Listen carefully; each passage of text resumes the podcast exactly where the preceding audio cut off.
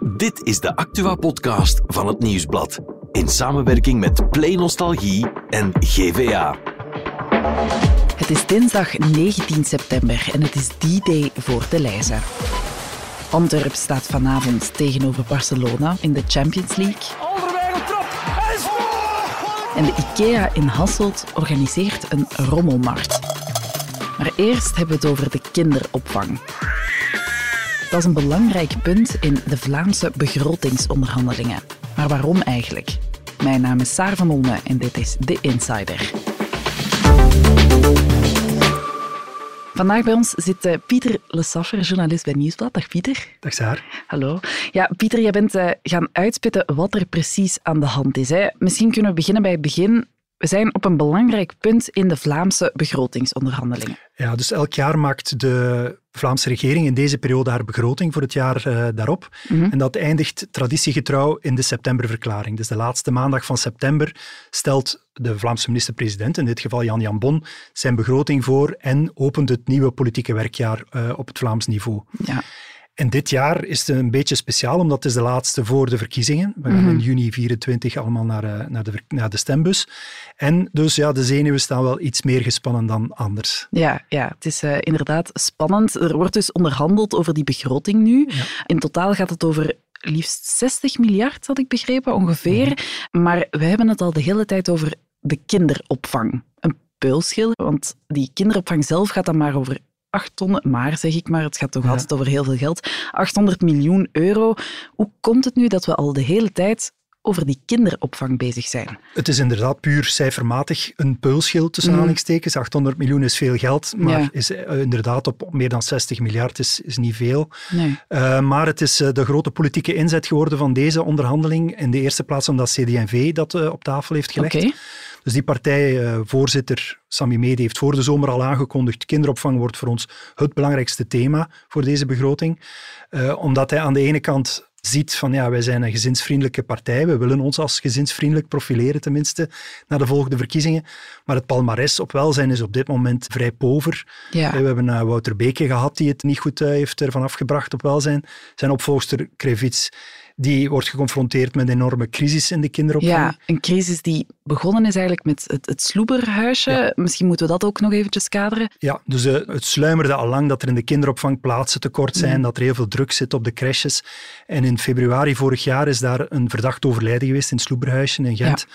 En is eigenlijk de bom gebarsten, zou ik maar zeggen. In de nasleep daarvan is ook heel veel uh, naar boven gekomen naar gebrek aan kwaliteit in die crèches, gebrek aan kwaliteitscontrole, mm. ook het plaatstekort uh, komt daar weer in naar voren. Dus alles is een beetje op een hoop gegooid. Heel die sector is echt in, in een, in, door een zware crisis gegaan. Mm. Het is uh, wekenlang is daarover gegaan, ook in de media. Ja. En natuurlijk ja, zit je nu dat kleeft ook aan, aan minister Krevits ja. op dit moment. En dus zij moet een manier vinden om uit die crisissfeer te geraken. Ja, ja. Je zei het er net al, uh, Sami Medi die heeft daar nogal een opvallende uitspraak over gedaan. Hè? Je hoort hem uh, hier in de zevende dag.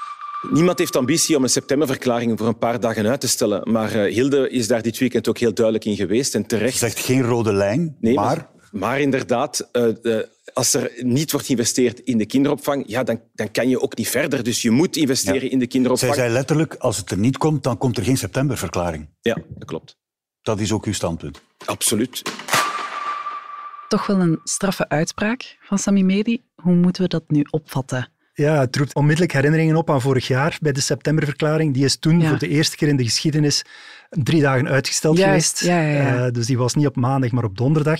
En dat was net door diezelfde Sami Medi, Hmm. uh, die toen uh, heel erg zijn voet gezet heeft over de kinderbijslag. Er was een heel discussie over de indexering van die kinderbijslag, of Ja. groeipakket zoals we het nu noemen. Denk je dat hij dat zover nu gaat laten komen? Op dit moment ziet het er niet naar uit. Oké. Omdat elke partij, eh, ook dus de andere regeringspartijen, Open VLD en N-VA, zijn het ermee eens dat er in de kinderopvang extra geïnvesteerd moet worden. Hmm. Dus au fond zijn de partijen het wel eens over het principe.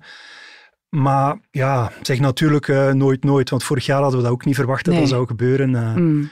Dus maar in principe, zoals het er nu naar uitziet, zal Jan Jan Bon maandag wel op een uh, ordentelijke manier, zou ik maar zeggen, naar buiten kunnen komen Ja. met een, een compromis daar rond en met een septemberverklaring. Nu, Hilde Krevits die is met een voorstel gekomen. Hè? Een voorstel om die kinderopvang aan te pakken.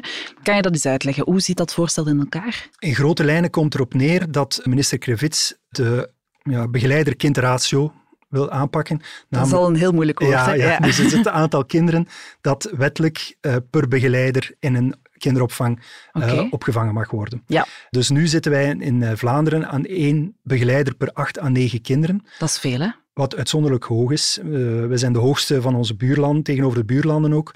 En minister Krevits wil dat op termijn laten dalen voor baby's naar 1 op 5 Mhm. en voor de anderen naar 1 op 7. Oké.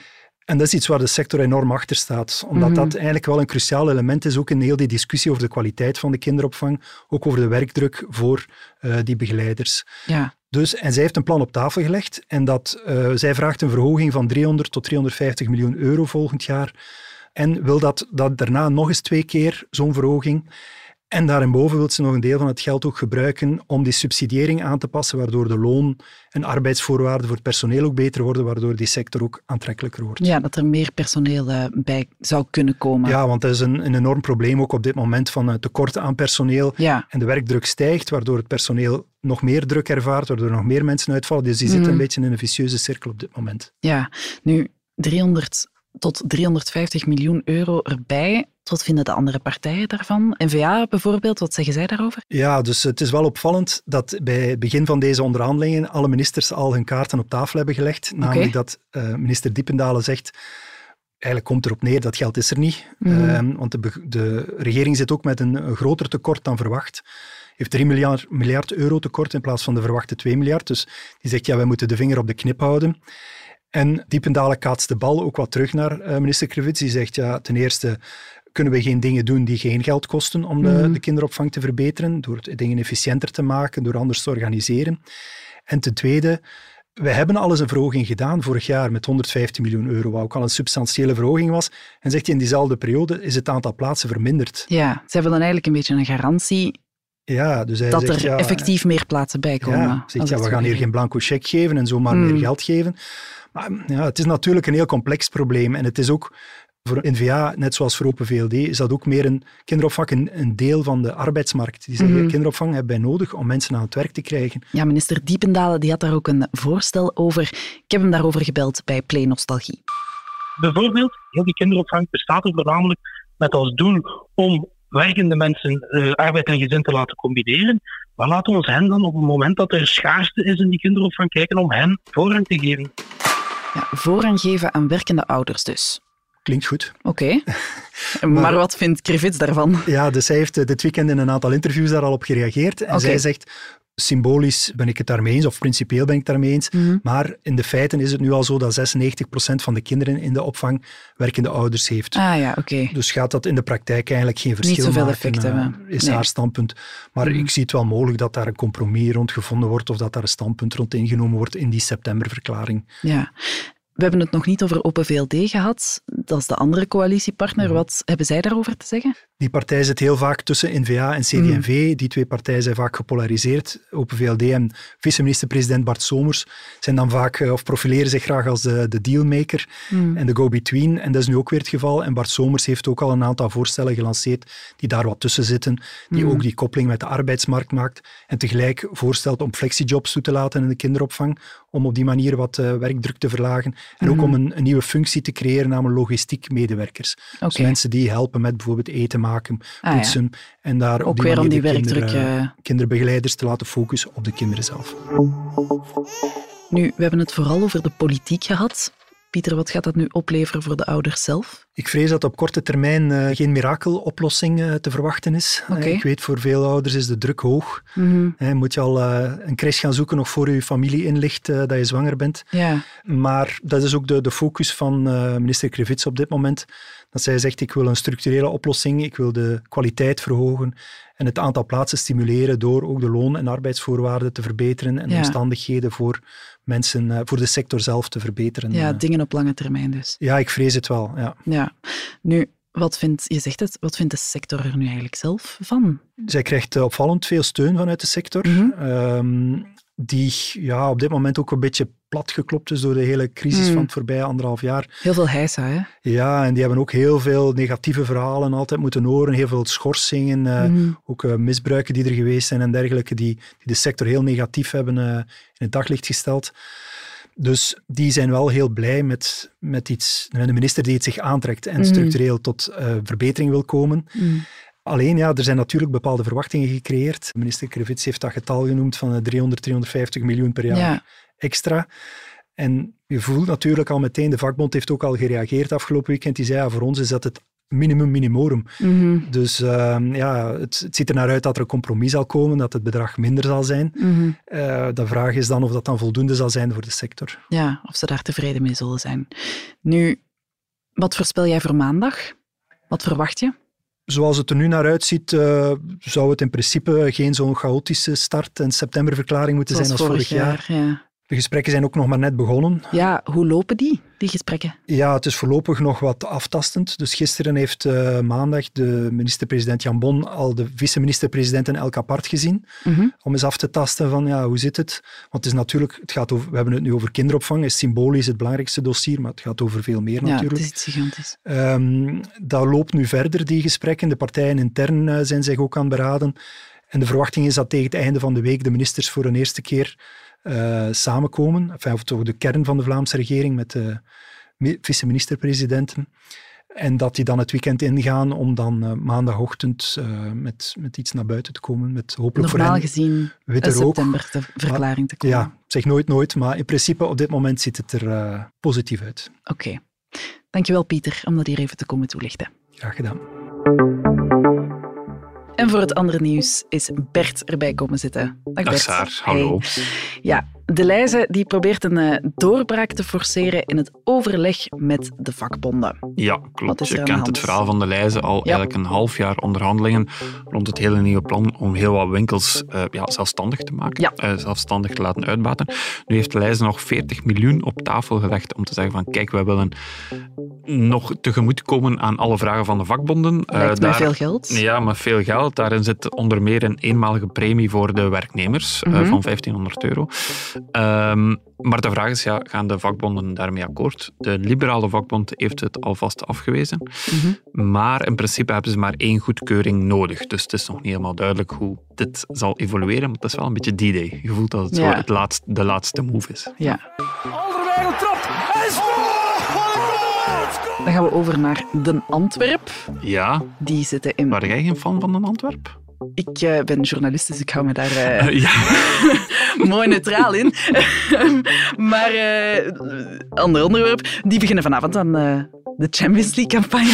Ja, die beginnen aan de Champions League-campagne. Ja. Eh, niet in Camp Nou, maar op Montjuïc. Want ze spelen tegen Barcelona, maar Barcelona, het stadion wordt eh, vernieuwd. Dus Ah, niet in het ja, legendarische Camp Nou. Ja, Mo- Montjuïc ook heel mooi. Dat is zo het oude Olympische stadion. Ja, Ah, ja, zeker. Goed. En eh, ja, Toby is erbij, Toby eh, hersteld van blessure. Ehm, en ze gaan dus ja, tegen Barcelona spelen. Iedereen denkt, ja, dat wordt sowieso verliezen, maar je weet maar nooit. Ehm, nu, leuk weetje, bij Barça start Lamine Yamal. Ik weet niet of je die kent. Nee, zo'n grote voetbalkinder ben ik. Ja, ben maar ik je zult dan wel leren kennen, Ja? eh, want dat is echt het nieuwe wonderkind. Nog maar dat? 17 jaar. eh, wordt nu al 17? ja, de nieuwe Messi genoemd. Het schijnt Wow. dat echt eh, fantastisch is. Dus eh, mocht een Antwerp verliezen, kunnen we nog altijd naar het nieuwe Messi kijken. Oké, spannend. Dan gaan we nog over naar het regionieuws. Mhm. Want IKEA organiseert een rommelmarkt in Hasselt. Dat klinkt helemaal iets voor mij. Is het waar? Ja, IKEA, rommelmarkt, helemaal, helemaal tof. Ja, dan moet je op 14 oktober naar Hasselt, naar de parking van de IKEA daar. Mhm. Want daar organiseren ze een rommelmarkt, maar ze doen zelf niet mee. Ah, oké. Ja. Dat is wel opvallend. Dus ze gaan dan- allemaal kraampjes zetten en gezellig. Ja? En ze zoeken straatmuzikanten enzovoort. Oké. Maar ze doen zelf niet mee. Oké, Ja. en waarom doen ze dat dan? Wel ja, dat is intrigerend. Hè. Mhm. Ze zeggen, ja, dat is allemaal omdat wij vinden dat mensen hun spullen een tweede leven moeten geven. Maar ik denk dat dat zo van nieuw marketing is, Saar. Zo van, ja, wij zijn er voor jou. We geven jou een goed Ah, ja. gevoel. wij Oké, als merk. Ja, ja. Ah, En je moet niet per se bij ons kopen, maar je zet dan toch maar gewoon op ons parking. En toch goede reclame voor Ikea. Branding. Toch, misschien nog even binnenspringen voor de Zweedse balletjes. dan. Ja, is dat. Wie Ja, weet. Ja. Oké, goed. Dankjewel Bert om dat even te komen toelichten. Dan zijn we er morgen weer met een nieuwe Insider.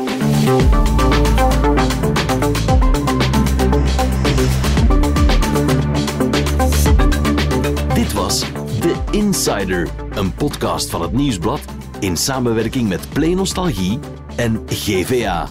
De muziek is van Pieter Santens. De montage gebeurde door House of Media. Wil je reageren? Mail naar podcast.nieuwsblad.be.